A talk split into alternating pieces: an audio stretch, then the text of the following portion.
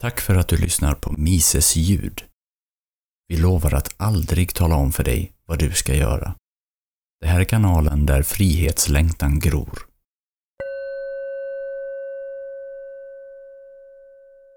Mina damer och herrar, ett av årets absolut mest intressanta och uppskattade föredrag på Freedom Fest eh, var utan tvivel Rickard Dahlins föredrag med namnet Svensk skola 175 år av ofrihet. Vi släpper den idag på Mises ljud också och hoppas att vi därmed når en större publik. Men vi rekommenderar att även kolla på Youtube-videon. Där finns eh, även slides och sånt trevligt. Med det sagt, var så goda.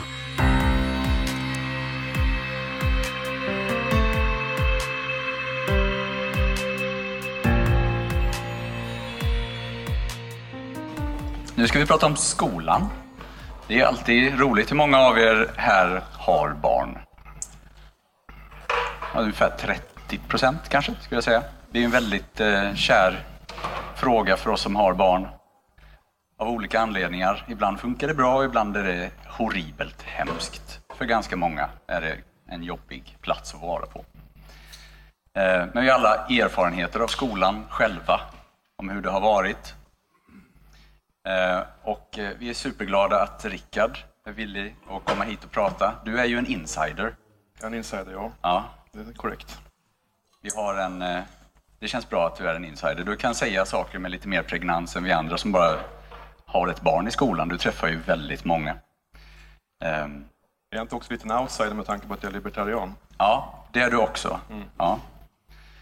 Ehm, så skönt. Det, det, det finns liksom människor i The Matrix som, som går att rädda, verkar det som. Eh, eh, och det är många i skolan som är troende, eh, som är svåra att rädda, men det, det kanske inte är omöjligt. Så det ska bli väldigt kul att höra vad du har att säga. Eh, mina damer och herrar, Rickard Dahlin. Tack.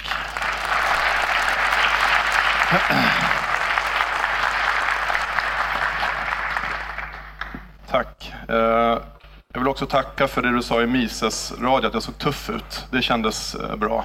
Känner ingen press, Rickard.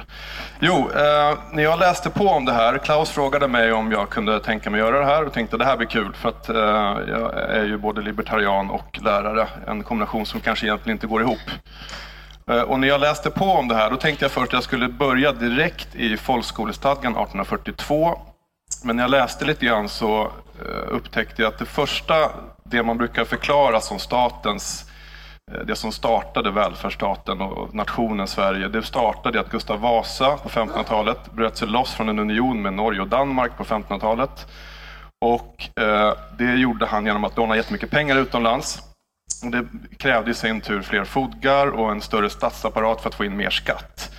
Så man kan säga att staten Sverige startar i skuldsättning och krig.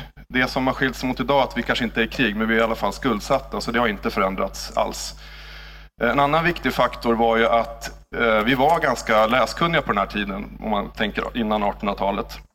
Eh, många kunde skriva också, det var ju tack vare kyrkan. Så att det här att vi behövde en skola, det var inte så. Vi behövde faktiskt ingen skola alls. För att där hade folk fattat själva att eh, vi måste kunna läsa, vi måste kunna räkna, vi måste kunna skriva. Folk är ju faktiskt inte dumma i huvudet, utan man kan ofta komma fram till det själv. Eh, anledningen till att vi hade den här eh, eh, vad heter det, folkskolestadgan som jag kommer in på sen, det var för att under första halvan på 1800-talet så hade man problem med jordbruket. Det reformerades, så många blev egendomslösa. Vi hade backstugesittare, inhysejon och, och fattiga människor. Det var ett problem för staten. För de var ju ett, ett hot mot ordningen. Så att man kan säga att... Ja, precis. Släcka var? Ja, det är utanför min kontroll tror jag. Det är utanför allas kontroll. Det är ett Ja. mysterium hur man släcker här inne. Anarki med andra ord. Eh, jo, och som det står här då så var det faktiskt privata tekniska söndags och aftonskolor som gjorde att folk gick dit för att lära sig läsa och läsa och skriva. För att de behövde det på marknaden. Man behövde kunna skriva kvitton, man behövde kunna föra logg över transaktioner. Så det var faktiskt marknaden som gjorde att folk utbildade sig på eget bevåg eh, på de här privata skolorna. Då. Så att det här eh, att folk eh, inte kunde läsa stämmer helt enkelt inte. Och marknaden då tvingar fram den här skrivkunnigheten. Och det gjorde också att man fick, genom den här handeln som bedrevs på den här tiden, så fick man en naturlig resursallokering. Det vill säga, om man tänker att om man ska förvärva humankapital, alltså utbildning i ett fritt samhälle, så kan man då tänka att humankapital är samma som utbildning eh, och att få utbildning det tar tid och tid är pengar. För att om jag väljer mellan att jobba eller gå i skolan så gör jag ju en, en värdering här. Eh, och eh, de här pengarna eller resurserna kan ju då läggas på att få pengar nu. Att jag, jag jobbar, framförallt mina barn. För många fattiga då fick använda barnen på gården för att helt enkelt få, få mat för dagen. Om man då säger så här, nej du måste gå i skolan för det är bra för dig fast du kommer inte få någon mat för att du kan inte jobba. Så, så kommer ju allokeringen hamna lite fel. Uh, och specialiseringen uteblir då också. För att jag kan inte själv säga att ja, men vi måste göra det här för att få mat, utan vi måste skicka våra barn till skolan så vi kommer svälta ihjäl. Uh, idag så brukar man säga att skolan är gratis och det är bra med utbildning och sånt. Men det var det inte för de fattigaste familjerna på den här tiden. Och det gällde ganska långt in på 1900-talet. Så det innebär att specialiseringen då, att man själv bestämmer vad jag vill lägga min tid på. Till exempel, jag vill bli bättre på att vara bonde, jag vill förbättra mitt jordbruk. Det förstörs ju då när man tvingar barnen i skolan. Så att den här påtvingande skolan från 1842 då, den var inte jättebra, framförallt för de fattigaste. Jag tror Klaus brukar lyfta det att rika klarar sig alltid, men de fattiga som drabbas hårdast. Eh, när man då bestämde då på 1842 där folkskolestadgan att staten tog över utbildningen från kyrkan, då handlar det om disciplinering och tuktning av allmogen. Det var alltså, de var för stökiga helt enkelt, så nu skulle man se till att de kunde hålla sig i schack.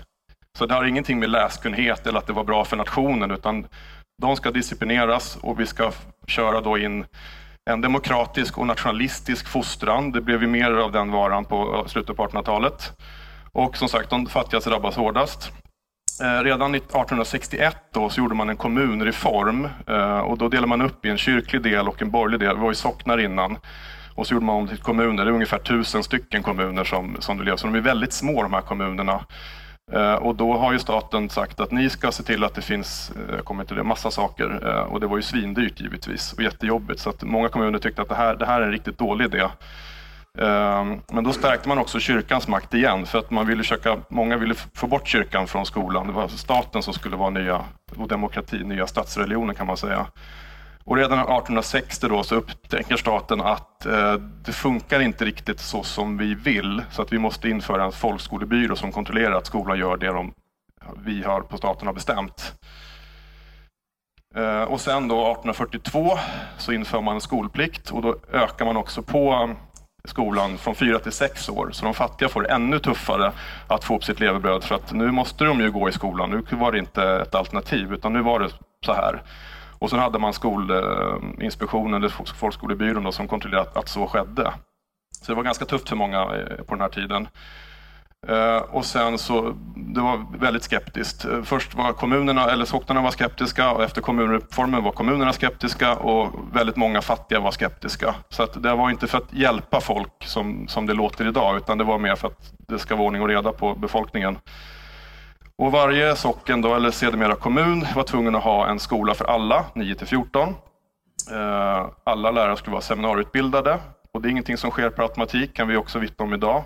Det är lärarbrist, det var det då också. Eh, alla socknar måste ha en skolstyrelse, alltså och kommunerna, och en kyrkoherde som ordförande. Inte heller någonting som växer på träd. Och sen eh, så skulle man se till att det fanns skollokaler, vilket inte heller var så enkelt på den här tiden. Så det blev ganska dyrt, det var ganska krångligt och det var rätt svårt för många. Eh, och sen så skulle man då alla kurser skulle omfatta läsning, räkning, skrivning, kristendomskunskap, biblisk historia, geografi, naturkunskap, gymnastik och sång.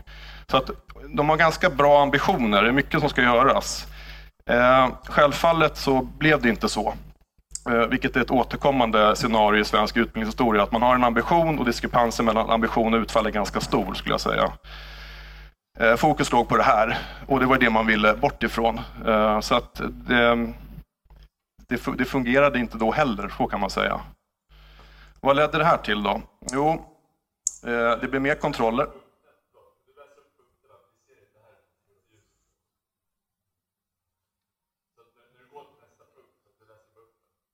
Den här menar du? Jag tror det jag sa. Okej, varje socken ska ha en skola för barn 9 till 14. Det var lagstadgat. Eh, Lärarna måste vara seminarieutbildade. Idag ska man ha lärarlegitimation. Varje socken måste ha en skolstyrelse med en kyrkoherde som ordförande. Också lagstadgat.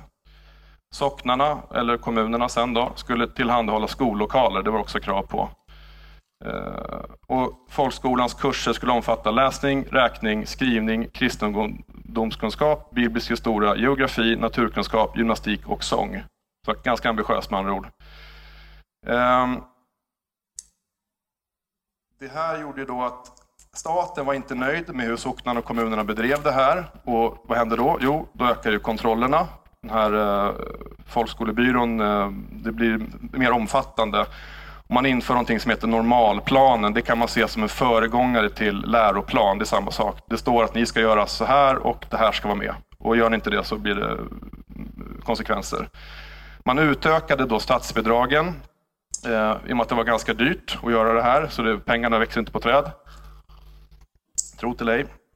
Eh, och sen så på slutet på 1800-talet så började det komma krav på från framförallt liberaler och eh, arbetarrörelsen att man ska minska kyrkans inflytande för det var lite konservativt och det var inte bra. Traditioner ska slängas i papperskorgen tycker många. Eh, och det är en liberal som heter Fridtjuv Berg. Han introducerade idén med en bottenskola. Det är det som idag heter grundskola. Han menade på att alla barn ska kunna gå i skolan och eh, oavsett om man är rik eller fattig eller och kön och massa sådana saker. Alla skulle gå i skolan tillsammans så det var bra för sammanhållningen. Eh, hans idéer har ju då, eh, finns ju kvar idag. Eh, och sen början på 1900-talet då, så hade, gick igenom en sån här demokratiseringsprocess i Sverige. Det lyfts att man ska ha rösträtt, kvinnor ska få rösta och massa sådana saker. Och då minskar också kyrkans inflytande tycker man. Det, det är inte bra. Man vill försöka få ner det. Eh, och då, så 1919 då, så gör man en undervisningsplan. Först var det normalplanen och så byter man namn, samma sak. Det heter undervisningsplan, idag heter det läroplan. Och då förbjuder man katekesen. Eh, man ska försöka trycka tillbaka kyrkan helt enkelt. Och sen då 1935 så flyttar man över skolan från den eh, borgerliga, kyrkliga till den borgerliga delen. Och efter ett par år sedan var kyrkans inflytande helt borta från skolan. kan man tycka vad man vill om. Eh, och sen kom vi in på lite hur det fungerar idag. Då. Om vi tittar på utgifterna ökade med 100 miljoner under de här åren 1920 till 1940. 46 till 150 miljoner tror jag att det var närmare bestämt. Jag vet inte huruvida det här är justerat för inflation, men eh, det är också ett återkommande tema i svensk utbildningshistoria att kostnaderna bara ökar och ökar och ökar och det ökar skatterna och så vidare. Så att det, det kommer vi nog få leva med tills den dagen vi dör. Den här filuren, John Dewey, brukar man kalla den progressiva pedagogikens fader. Hans idé om pedagogik bygger på learning by doing. Det är inget fel i det egentligen. Eh, och ett kritiskt tänkande. Var känner vi igen det ifrån? Normkritik. Eh, och sen också att utbildning ska genomsyras av en demokratisk värdegrund. Så all utbildning ska fokusera på att vi ska göra folk mer demokratiska och kritiskt tänkande och sådana saker. Hans idéer har ju fortfarande stort inflytande i skolan idag. För han sa också så här att eh, man ska inte bara lära ut färdigheter i skolan. För det vore ju fruktansvärt om folk lär sig räkna och läsa och skriva på riktigt. Så kan vi inte ha det. Eh, precis, de där punkterna var hans eh, kärn och de, de, de har hängt med än idag. Eh, och om man tänker, då vi pratade om förut, det här med tid är, eh, är pengar. Och om man lägger tid på det här, då lägger man också mindre tid på andra saker.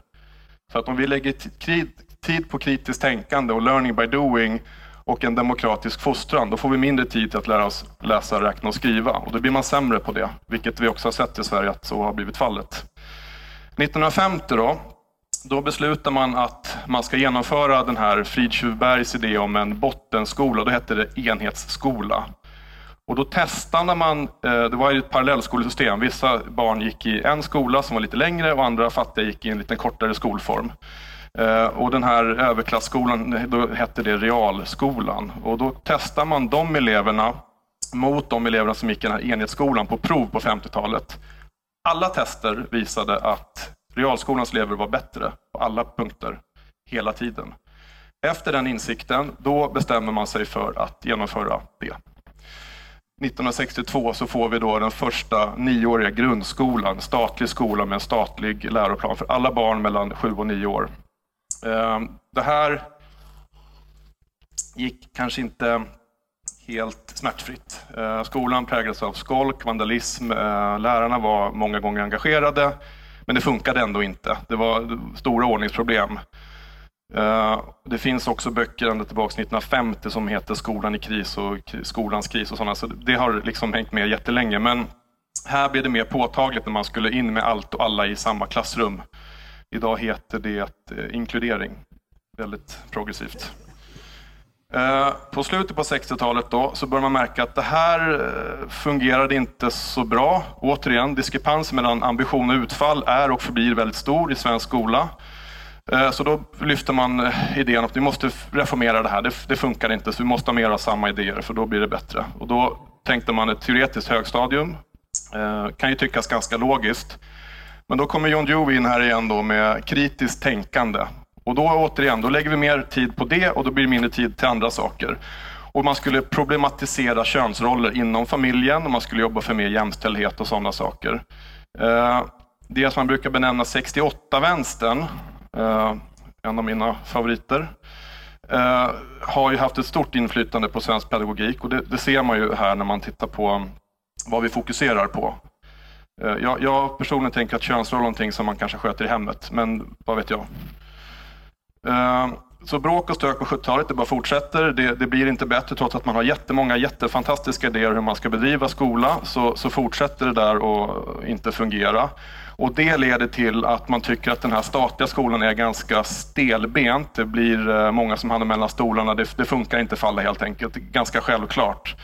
Och då börjar en sån här decentraliseringsprocess. Att man ska lo lokalt då resursallokera efter behov. Då tänker jag, var har man hört det någonstans ifrån? Uh, ut efter behov är ju faktiskt en marxistisk utgångspunkt. Men det är sexigt.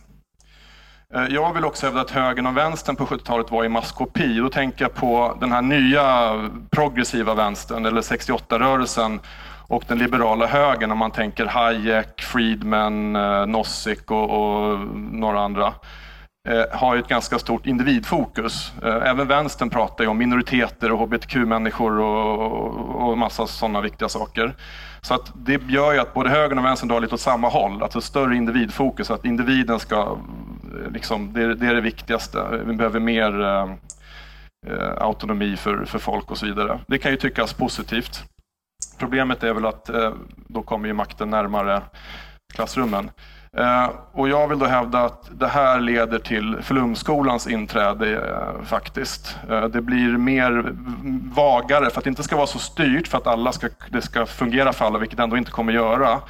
Så gör man, man börjar lyfta att det kanske ska vara istället för regelstyrning, alltså det står exakt hur skolan ska bedrivas, vad som ska göras, när det ska göras, hur det ska göras så börjar man titta på mer övergripande mål, mål att sträva mot och sådär. Eh, en annan parentes som jag stötte på som var kul, att Olof Palme då, eh, skolminister på 60-talet tror jag, ansåg att skolan är ett verktyg för att avskaffa klassamhället. Eh, han lyckades inte riktigt, men nästan. Bara låta hänga den i luften lite grann där, så att vi har med oss det inför 80-talet här. Då 1980 så får vi den här nya läroplanen Lgr 80. Den är mycket kortare och mycket flummigare. Man kan tycka att det här, det här är en positiv utveckling. Eh, så är det inte riktigt, utan det blir bara väldigt vagt allting. Och 1981 så bestämde man att staten ska se till att resurserna finns i kommunerna och kommunerna ansvarar för att eh, arbetet blir utfört. Så här har man liksom börjat gå mot en det som sen blev då kommunalisering och decentralisering ännu mer. Eftersom det inte fungerade när det var centraliserat så tänkte man att då gör vi om. Eh, helt enkelt att eh, en starkare subsidiaritetsprincip. Mer makt åt folket, mer makt åt kommunerna. Men som sagt, problemet är att då kommer makten fysiskt närmare klassrummet och lärarna och det är aldrig positivt. Eh, att, att man ska styra tätt i, på tätt håll, det, det, det, är inte alls bra. Så att det har liksom inte blivit mer autonomt eller mer fritt eller hur man ska säga, utan snarare tvärtom. Eh, 1989 då så bestämmer sig Göran Persson att köra över lärarförbunden. båda fackförbunden, eh, att vi ska kommunalisera skolan. Först var ju båda fackförbunden emot. Sen sockrade Göran Persson lönebudet till Lärarförbundet. Det är det facket som är lite mer vänstervridet än Lärarnas riksförbund som har eh, mer borgerlig tradition egentligen. Eh, och Lärarnas riksförbund gick ut i strejk tidigt 90-tal också eh, tack vare det här beslutet. Men han struntade i det och genomförde det då.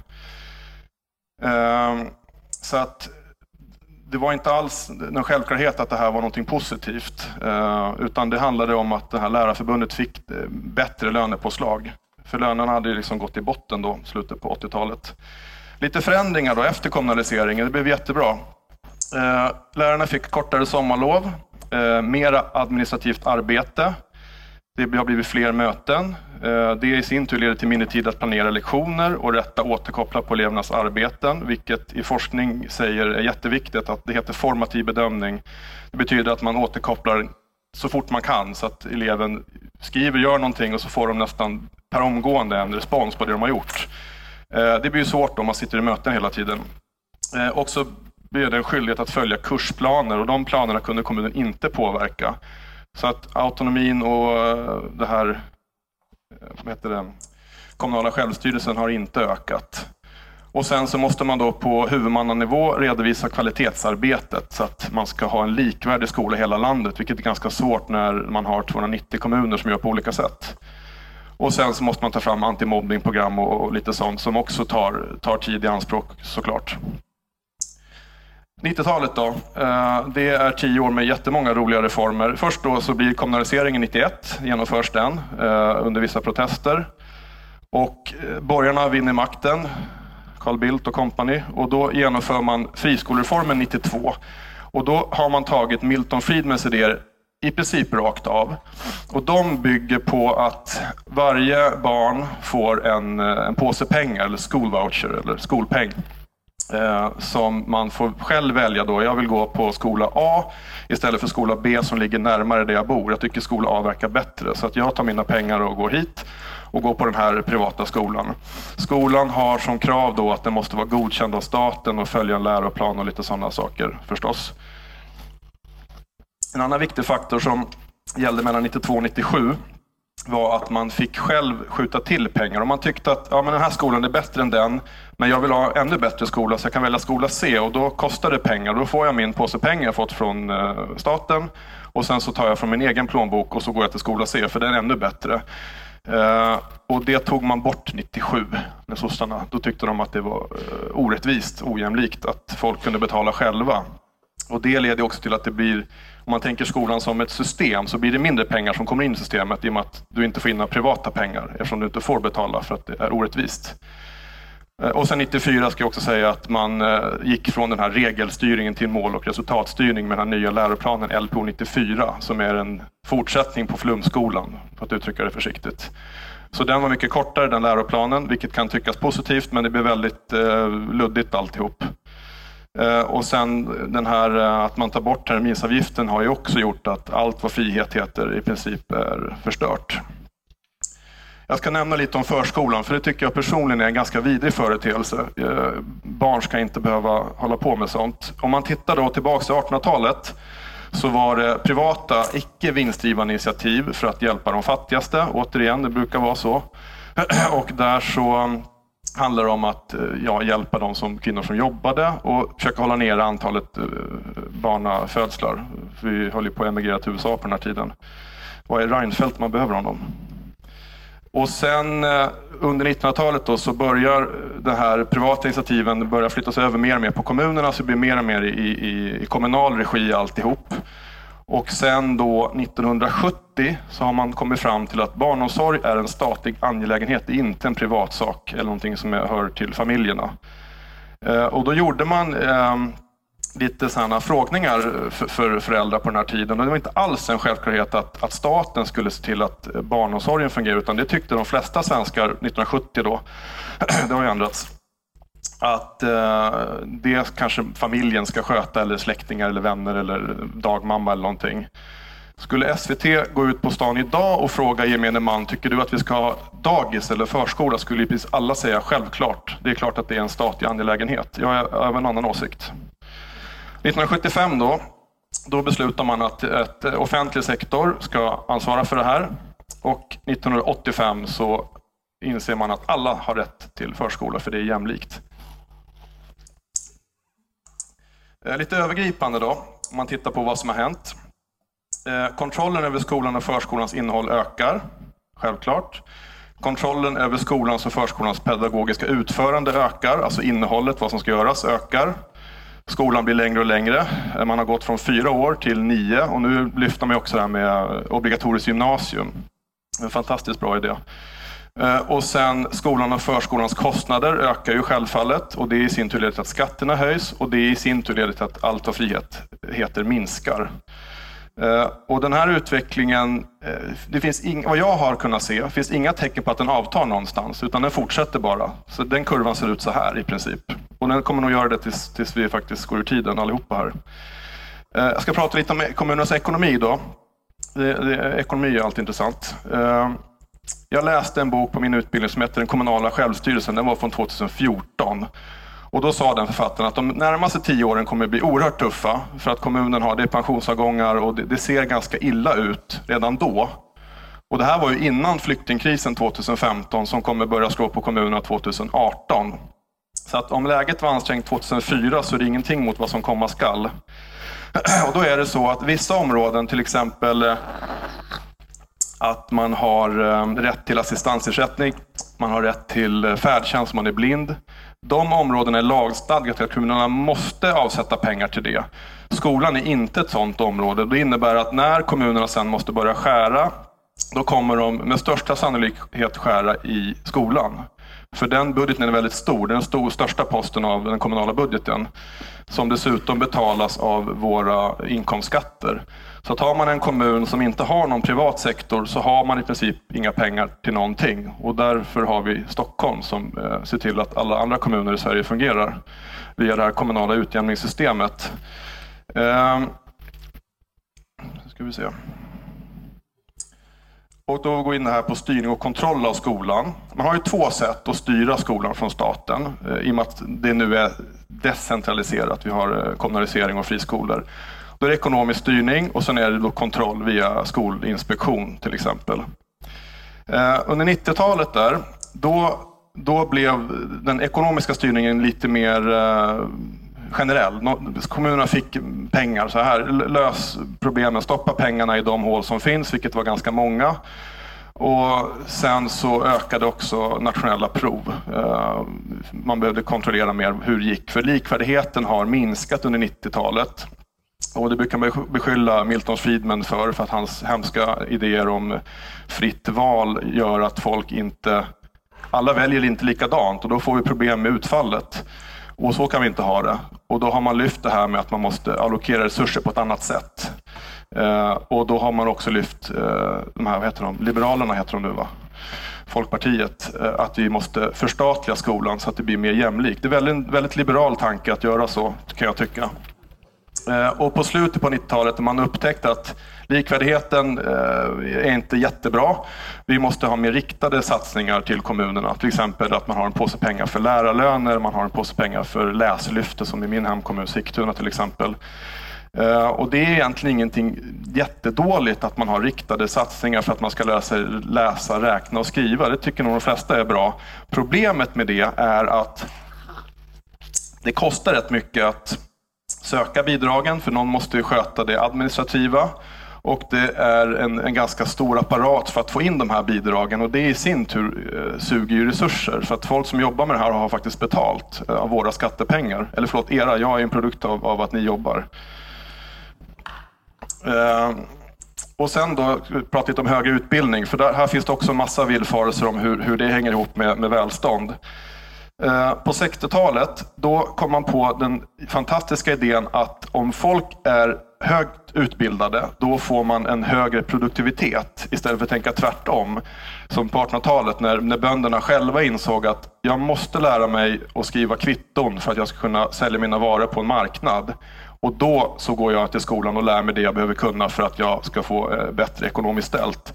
Då tänkte man på 60-talet tvärtom vi utbildar folk först och sen så kommer jobben komma som en skänk från ovan. Eh, även där är jag av en annan åsikt. Eh, men egentliga problemet var, vi hade en väldigt låg arbetslöshet. Den pendlade mellan 1,5 till 2,5 procent på 70-talet. Men ungdomarna var, var lite, lite mer arbetslösa än gemene man. Och då öppnade man upp utbildningsplatser med den här motiveringen. Vi behöver en utbildad befolkning. Eh, istället för att egentligen säga vi behöver någonstans att göra av ungdomarna. För det var egentligen så det var. Så det här är ju en, en åtgärd för, för att justera arbetslösheten helt enkelt. Så då öppnar man upp fler utbildningsplatser så har man någonstans att göra. Då försvinner de från statistiken. Väldigt effektivt. Um, en annan konsekvens av det här, att fler studerar på högskola och universitet, det är att eh, avkastningen på högre studier blir ganska dålig. I synnerhet på 70-talet. Eh, och det bottnar i vår iver att alla ska ha ungefär samma lön, annars är det orättvist. Eh, och den konsekvensen är återigen att de fattigaste barnen, alltså arbetarbarn, ehm, den, den indelningen kan jag också vända mig lite emot, att folk eh, är arbetarbarn. Men nåväl, eh, de har svårare då att slå sig fram, för deras utbildning är inte värd lika mycket. Om du tar studenten idag så kan du knappast säga att du är eh, utbildad, då är du outbildad. Du måste gå på universitet om du ska få ett vettigt jobb. Eller så har du rika föräldrar, eller, eller så har du bara tur. Eller så är du duktig på IT. Men eh, då har det då blivit andra saker som gör att man kommer framåt. Eh, socialt kapital, om man ska prata om med Bourdieu, eh, och kontakter. Att man kanske har ett schysst efternamn eller någonting som gör att man kan komma fram. Så det blir svårare för arbetarbarn som inte har det här kontaktnätet att göra karriär eh, och, och, och, faktiskt tjäna mycket pengar. Så att, eh, återigen så är det de, de, som redan har det lite kämpigt får ännu kämpigare tack vare sådana jättebra idéer om högre utbildning för alla och så vidare. Det, det, det, och det, historiskt sett har det alltid slagit på det sättet. 90-talet då, när vi fick 90-talskrisen, så blev ju arbetslösheten väldigt hög och då tog man upp den här idén igen att eh, justera arbetslösheten genom att öka på antalet utbildningsplatser. Nu ganska drastiskt. Nu fördubblas platserna på ett par år. Eh, och det gör att jag tror att vi ligger på 25-30 procent studerar idag på universitet och högskolor. Och då kan man ju fundera på vad får det för konsekvenser? Ja, kvaliteten sjunker som en sten i vatten. Så för att då eh, kunna skilja sig från mängden så måste man helt enkelt plugga ännu längre. Eller ha de här kontakterna. Eh, så nu så kommer folk ut senare på arbetslivet vi ska fortfarande gå i pension när vi fyller 65 eller 67. Inte enligt Reinfeldt. Eh, och då innebär det att om vi kommer ut på arbetsmarknaden när vi är 30 istället för 20, då tappar vi 10 år där vi kan betala in skatt till det här gemensamma fantastiska som vi sitter och betalar för. Och då har man ju eh, kanske då har man ju färre år på sig att betala in och då måste man betala mer när man jobbar. Plus det faktum att fler då i självfallet ska ju bekostas det här. Det, det är ju inte gratis att ha högre utbildning. Det, folk har ju lön. Så här, gratis skola är ju absolut inte korrekt. Så att de som jobbar får betala mer för att försörja fler som, som då eh, antingen är arbetslösa, sjukskrivna eller pluggar Harry Potter 5 HP eller något annat jätteviktigt. Och det är klart att det blir ganska dyrt. Eh, men det är tydligen bra med en utbildad befolkning. Sen vad man utbildar dem till spelar inte så stor roll kan vi gå in lite på lärarutbildningarna då. Eh, för de har ju haft en fantastisk utveckling. På 1800-talet så var det ju en statsutbildning. Det var män, eh, framförallt från prästhem och borgare helt enkelt, som pluggade till lärare. Det var lärare, läkare och jurister. Det var hög status. Eh, och slutet på 1800-talet då plockade man in kvinnor, för det var lagstadgat att de skulle ha lägre lön än män. Och vad jag vet så är det inte så längre, men mm, jag återkommer till det. Eh, så att på 1900-talet då så blir yrket feminiserat, ett sånt här nytt fräscht ord. Och eh, det brukar man då förklara med att, att det har blivit som det har blivit. Det finns två problem med det bara. Eh, just det, nej det där var...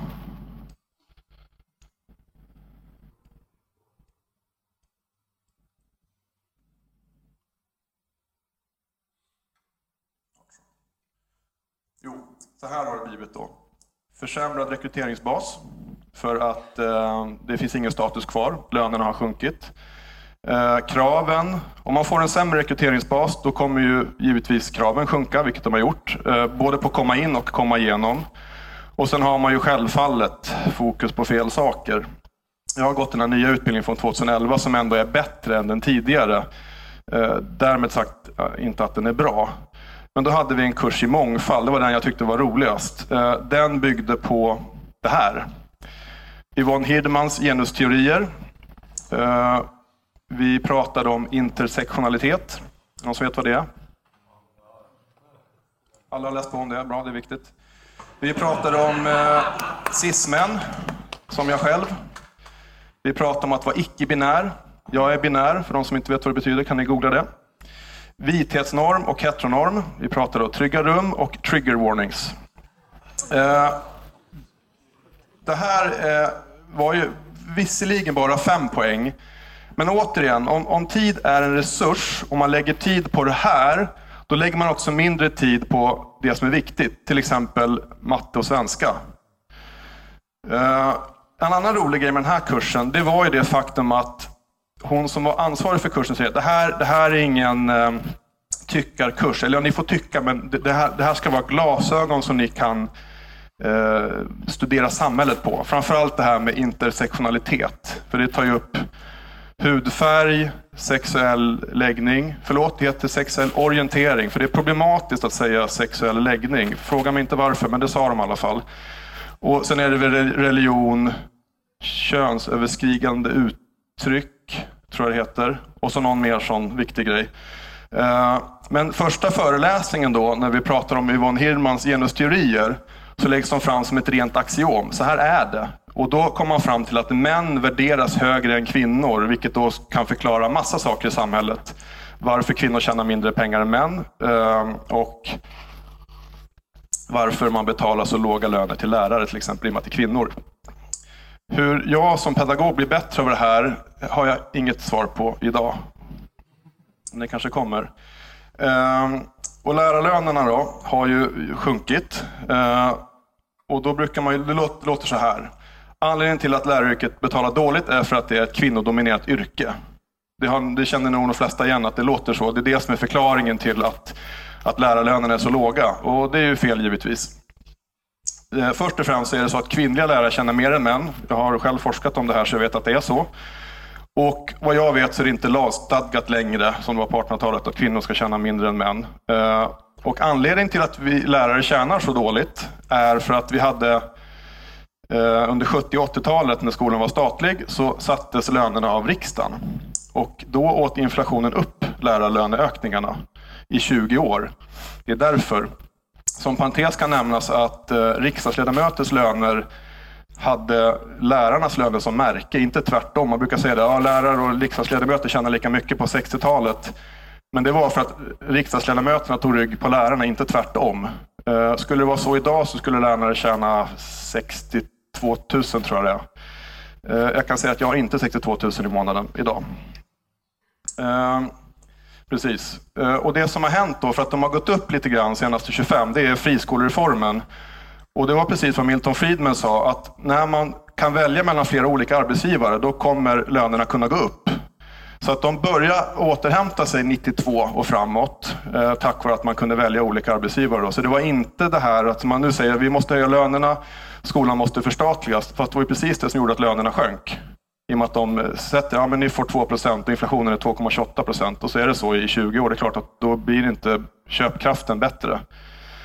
Eh, och nu på senare år, efter att man införde krav på lärarlegitimation så har utbud och efterfrågan gjort att lönerna har gått upp. Eh, jag tror att min hemkommun har lönerna gått upp med 5 000 brutto, vilket absolut inte är 5 000 netto då, senaste tre åren. Och det är en ganska bra löneutveckling för att vara inom offentlig sektor.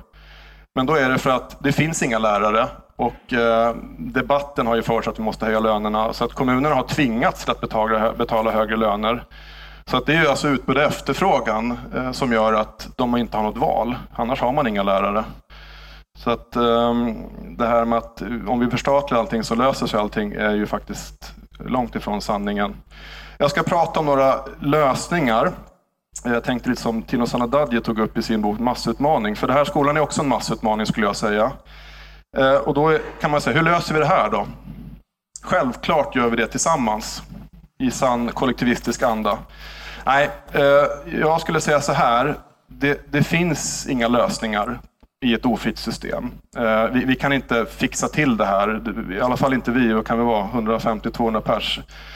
Eh, utan här måste man nog ta lite ansvar själv. För att inom forskning säger man att eh, man ska försöka hitta barns inre motivation. Det låter ju helt fantastiskt och då ska alla inkluderas i klassrummet oavsett om du har ADHD, autism och allt vad det kan vara. Alla ska med. Eh, och för att hitta inre motivation till 25-30 elever, man har en lektion, så är det, det säger sig självt, det går faktiskt inte. På individnivå så kan man göra det. Om man hade haft ett barn, eller två som är ungefär likadana, som tycker samma saker är roliga. Men att hitta in i motivation till allihopa, det, det, det kommer inte ske. Um, och I vår iver att göra om då undervisning till underhållning så kommer man tappa ganska många på vägen istället för att fokusera på, man brukar säga att repetition är, är eh, inlärningens heliga moder. Och då säger man, nej men så är det inte. Man ska inte repetera för det är tråkigt. Och det är konsekvensen att man inte lär sig så mycket helt enkelt. Men de tips jag kan ge till er börjar ju det här ganska grundläggande, uppfostran. Ehm, och det man säger på forskning då att man ska ha en trygg anknytning. Och det är någonting som man får eh, tidigt.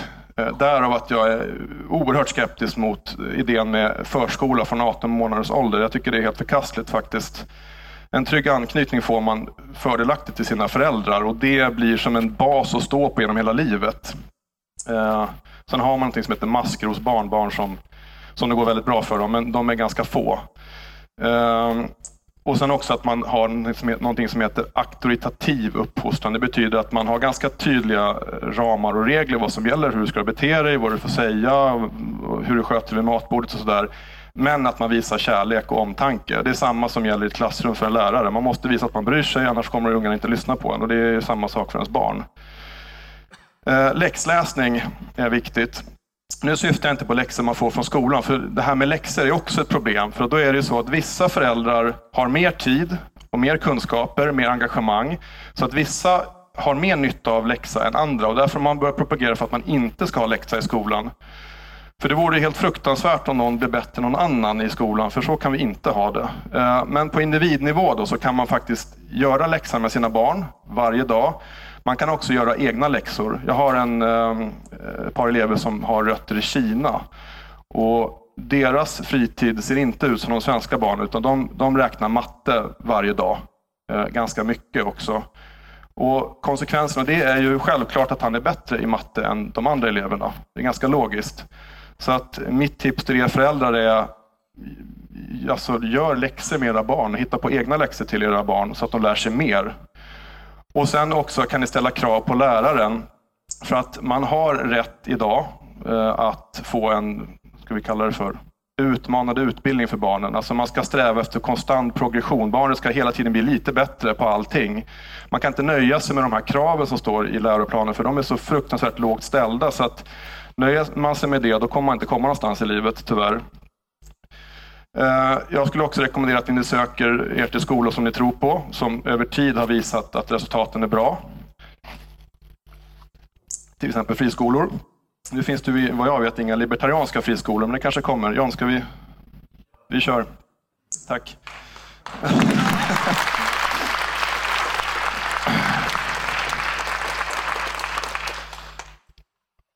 Och sen skulle jag också säga så här, att man ska nog bosätta sig i områden som inte är dysfunktionella. Ni vet precis vilka områden jag menar då. Jag har själv bott i ett sånt. Eh, för det som påverkar barn är till stor del genetiken och den är ju svår för er att påverka. Då får ni välja en ny partner i så fall innan ni skaffar barn. Eh, 50 procent brukar man säga att är avhängigt av genetik. Den andra delen beror mycket på ens omgivning, framförallt barnen man umgås med. Det här har jag tagit från David Eberhard och han har väl också missat värdegrundslektionerna i skolan, men eh, han har en hel del bra poänger. Så att man vill gärna omge sig med, med föräldrar som har kanske inte vår syn, för då får vi flytta ihop allihopa.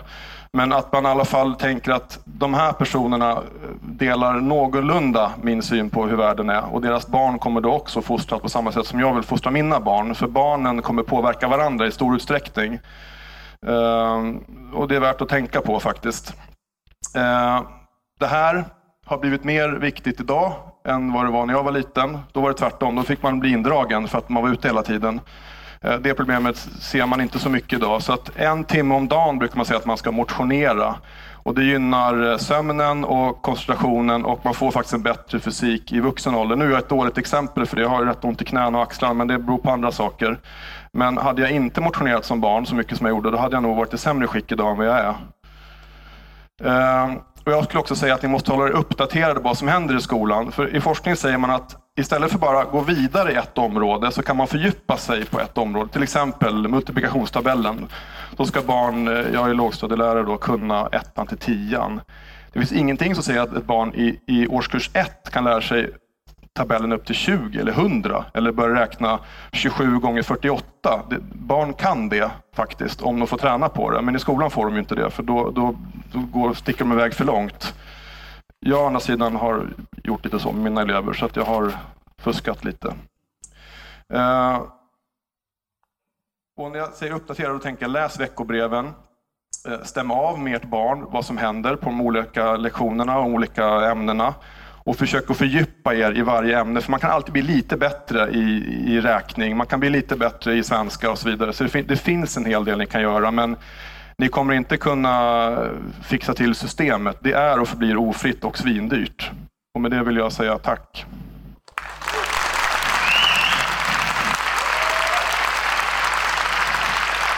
Frågor?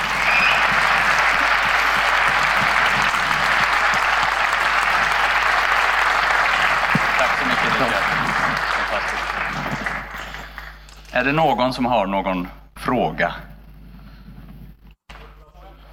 Jag springer bort här. Vem? Jag hörde inte. Ja.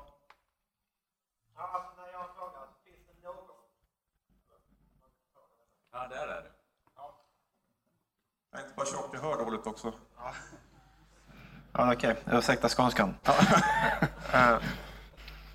Nej, men jag har en fråga egentligen. Eh, det finns alltså ingen möjlighet idag, om du inte är stenrik, att kunna sätta dina barn i en eh, skola där du finansierar en del av utbildningen? I, i, I detta fina land? Nej, inte i Sverige, nej. nej okay. Det försvann 97.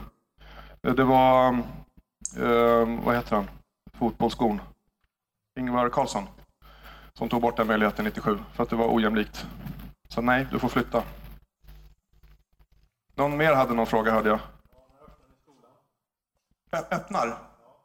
Ja, Jan, har du något svar? Jag hörde inte frågan, vad sa du? När vi öppnar skolan. Jag kanske var lite entusiastisk där. Det var ett uppmuntrande tal på alla sätt och vis. Jag kände nu måste vi göra något åt det här. Men vi kan absolut prata vidare om det. Tillsammans, John. Tillsammans. Uh, tack, mycket intressant uh, föreläsning. Finns det någonting som funkar i svenska skolan? Eller i närheten av att funka? Uh, ja, jag vill faktiskt ta lärarkåren i försvar här. Jag är inte alls partisk i frågan. Men min, min erfarenhet av lärare jag har träffat är att de vill verkligen att det ska fungera. Uh, och många lärare, eh, man, man, tittar och gör de här kunskapskraven och försöker se till att det fungerar. Men lärarna generellt, i alla fall de som jobbar på år, är engagerade i, i sina barn och sin undervisning. Så att på vissa klasser, vissa skolor fungerar det. Men man säger också i forskningen att eh, läraren är den enskilt viktigaste faktorn i klassrummet. Så att dåliga lärare ger dåliga resultat, ganska självklart. Och nu när man tittar, när jag pratar om lärarlönerna så säger man att det tar 30 år att om man höjer lönerna, lönerna nu, då tar det 30 år innan vi får en positiv effekt av det. Därav att det inte har skett. Men nu har ju lönerna börjat gå upp så att det man skulle kunna göra för att det ska bli bättre det är att försöka locka tillbaka gamla duktiga lärare. Eh, så att vissa saker fungerar helt okej, okay, men det är väldigt olika faktiskt. Och det här att det är väldigt olika, så har det ju varit i samhället alltid. Man brukar prata om att det är stratifierat. Eh, och vår iver att, att utjämna det här gör att resurser hamnar inte riktigt där de gör mest nytta. Men eh, de lärarna som är ute och jobbar försöker och lyckas ibland. Det är därför jag lyfter det här med att man måste välja en bra skola. Vissa skolor fungerar jättebra. Eh, och vissa områden har bra skolor, men det gäller att veta var de finns och, och flytta dit och gå där. Och det är närhetsprincip, eh, syskonförtur och kötid som, som gäller på en friskola. Och kötid, då, då snackar vi att mm, alltså på BB så anmäler man till en friskola som är bra. Det är den framförhållning man måste ha. Därav att utfallet blir ojämlikt, för vissa har bättre insikt än andra. Så att, eh, välj med omsorg om du funderar på att skaffa barn.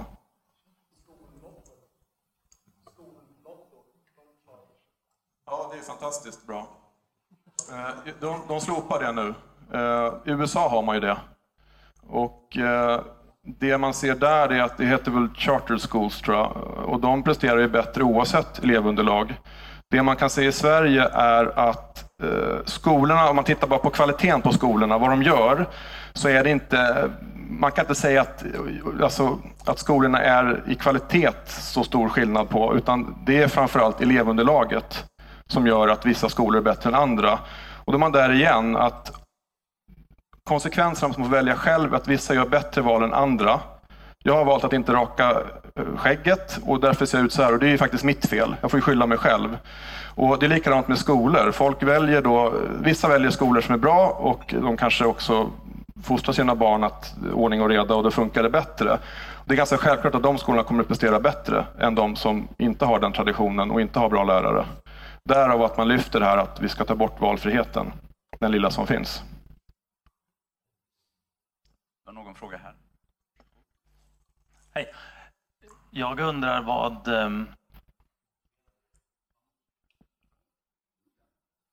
Vad motiverar dig att fortsätta vara lärare? Pengar. Nästa fråga. Nej, men... Eh, jag har eh, jobbat som gitarrlärare, för jag är eh, hårdrockare i grunden. Det kan man inte tro när man ser mig, men det är jag faktiskt. Och jag gjorde det i åtta år med barn och ungdomar eh, mellan 6 och 15. Eh, så att det, det, är nog det som har gjort att jag hamnat där. Jag tycker om barn, jag tycker om människor. Eh, jag tycker inte om systemet. Jag tycker inte om lönen heller. Därför har jag två jobb. Var det svar nog? Ja, tack. Vi kommer strax ner där. Hej, Mats Blomdahl heter jag. Jag har en frå egentligen två frågor. Och uh, Den ena är uh, hur, det här man brukar prata om den finska skolans framgång. Och uh, som, som jag har förstått det så prat, lyfter man upp två faktorer ofta. Och det är att de inte har läxor och att de är statliga. Har du någon kommentar om det? Och sedan betyginflation i friskolor. Finns det någon ja. samband för det? Eh, ja, Tack. Jag, jag kan försöka. Eh, finska skolan skulle jag säga präglas av en helt annan auktoritet först och främst. Finska lärare har till exempel inte särskilt mycket högre lön, men det är en helt annan status i Finland. Så att eh, det stök vi har drabbats av sedan 1962 har inte finnarna. Eh, att den är statlig, det, det, det är ju bara en fråga vem som, vem som betalar ut lönen. Eh, ett arbete i skolan, och det har det varit sedan 1800-talet, det beror ju på de som är i skolan. Har du kompetent personal där spelar det inte så stor roll om, om det är staten som ger dig lön eller kommunen. Eh, så det, det, är en fråga om kultur.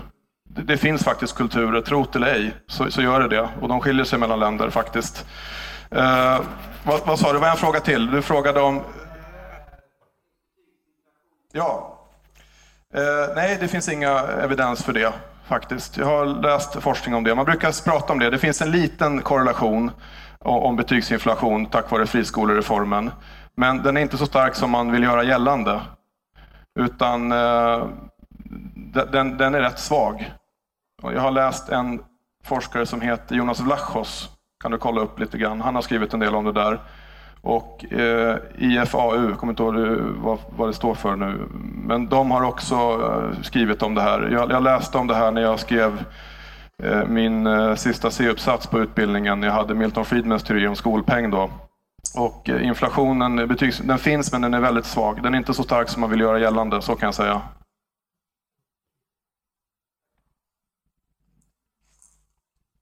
Hej, jag undrar hur du tycker att man ska diskutera skolplikten med barn, exempelvis sina barn, som går i skolan och kanske inte är så motiverade? Eh, säg att det är lag på det. Nej, eh,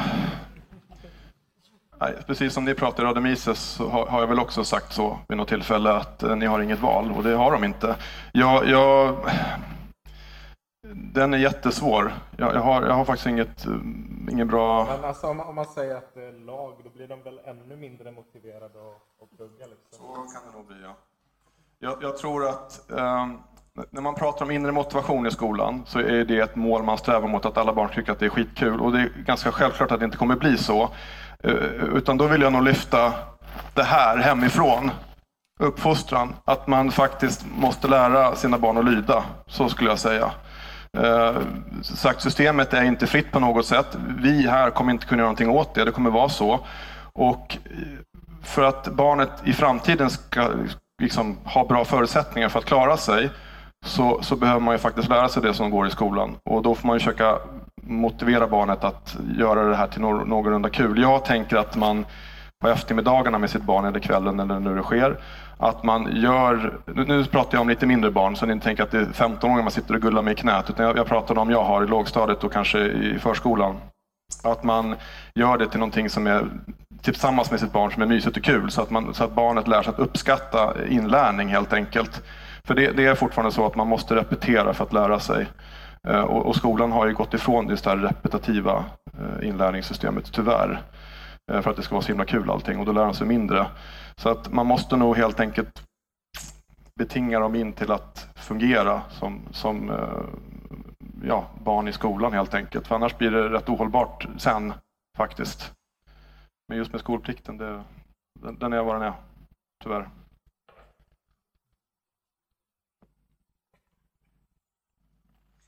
Ja, tack för en mycket intressant dragning. Jag har eh, två frågor. Det ena är vilken årskurs bedömer du att orienteringen i värdegrunden börjar och vad kan man som förälder göra för att agera motvikt mot det där?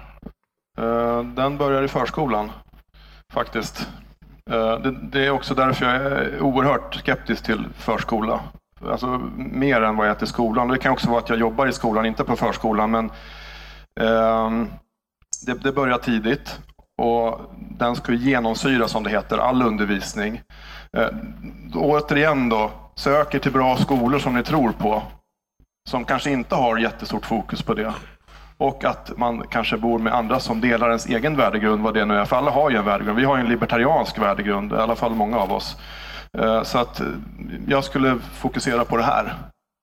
Och var man bosätter sig, faktiskt. Och sen så måste ju du fostra ditt barn, att, eh, ja, hur du nu vill. Att man då försöker kanske skärma av sig lite från det, det där. Och det är ju svårt, det är därför jag är så skeptisk till just förskolan. För det är så himla små barn som ska lära sig om hbtq-frågor och vithetsnormer. Jag tycker det är helt fruktansvärt. Faktiskt. Jag personligen har inte jättestort fokus på det i skolan. Ja, tack.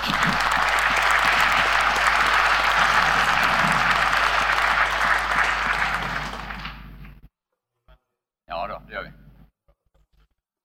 Tack. Jonas heter jag. Eh, du pratade en del om ehm, hemskolning, nämnde du inte riktigt vid namn, men eh, hur ser du på det? Eh, att agera motvikt på den vägen? Ja, alltså de här förslagen här, gör läxor och sånt, det är ju en form av hemskolning fast efter skoltid i och med att vi har skolplikt. Jag är absolut för att man skulle kunna göra så. Men då tänker jag att man kan ju komplettera med en form av hemskolning genom läxläsning och sådär. Att man då försöker hålla sig lite ajour med vad som händer i skolan och jobba med de delarna. Alla skolor skickar ut veckobrev, vi, gör det här och det här. Sen kan man ju faktiskt prata med sitt barn och kolla lite vad, vad gjorde ni idag och vad ska ni göra imorgon och sådär. Och eh, hålla koll med, eller kontakt med läraren och liksom, vad ska ni göra nästa vecka och vad gör ni nu och vad är viktigt och, och sådär. Så kan man jobba med det hemma vid så att man faktiskt eh, eh, expanderar skolan in i hemmet lite grann. För det finns ju ingen chans till hemskolning nu. Vi har inte det i Sverige, tyvärr. Så att, eh, då lyfter jag nog att man tar tag i saker och ting på eget bevåg. Tack.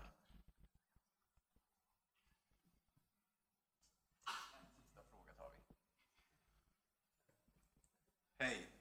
Hur anser du eh, möjligheten att kunna utbilda sig på internet idag? Gällande något specifikt eller bara generellt? Ja, det finns många kurser, till exempel Ron Paul har egna kurser som man kan ta. Ser du någon möjlighet att det finns en fördel med att kunna göra det?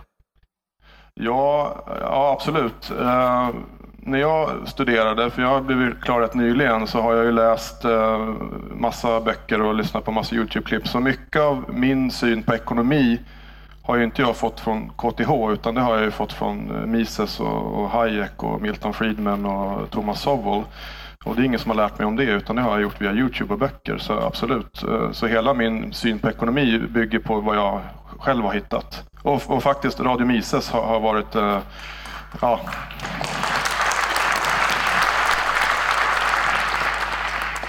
För det började för mig där 2013 med Gomodeus Ung, heter han, hans eh, artikel om Frankfurtskolan. Och då kände jag bara äntligen någon som är lite konservativ men ändå är för marknadsekonomi. Sen har jag varit helt hooked efter det.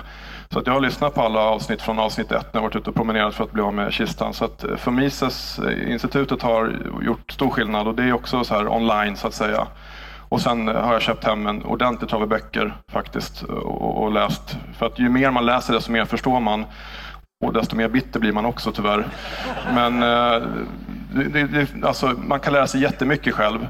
Men om man, om man tänker jag som lågstadielärare och i skolan så är det fortfarande så för att jag har lärt mig det jag har lärt mig. Eh, missat värdegrundskursen uppenbarligen. Men det, det kräver ju fortfarande ganska grundläggande färdigheter som läsa, skriva och, och, när man läser och skriver och försöker sammanfatta saker som jag har gjort med den här föreläsningen till exempel, det har varit skitjobbigt. Men jag blir bättre på det, jag får en, mer ett övergripande syn vad som har hänt. Och det är ju att träna sina kognitiva förmågor och det gör man ju via läsning. Så att man måste ju liksom göra det här hela tiden. Men du måste ha det grundläggande. Om du spelar ishockey måste du kunna åka skridskor. Sen kan du jobba med klubbtekniken. Det är samma sak. Du måste kunna läsa och skriva och räkna. Sen kommer du kunna förstå mer och mer. Då kan du gå ut och börja lära dig själv. Men det skulle jag säga, det gör man ju snarare kanske i mittonåren. För att hjärnan utvecklas fram tills man är ungefär 25. Så det går, men man behöver ha en stomme först. Så skulle jag säga. Tack så jättemycket Rickard för att du kom hit. Helt fantastiskt bra. Ja, kul, tack.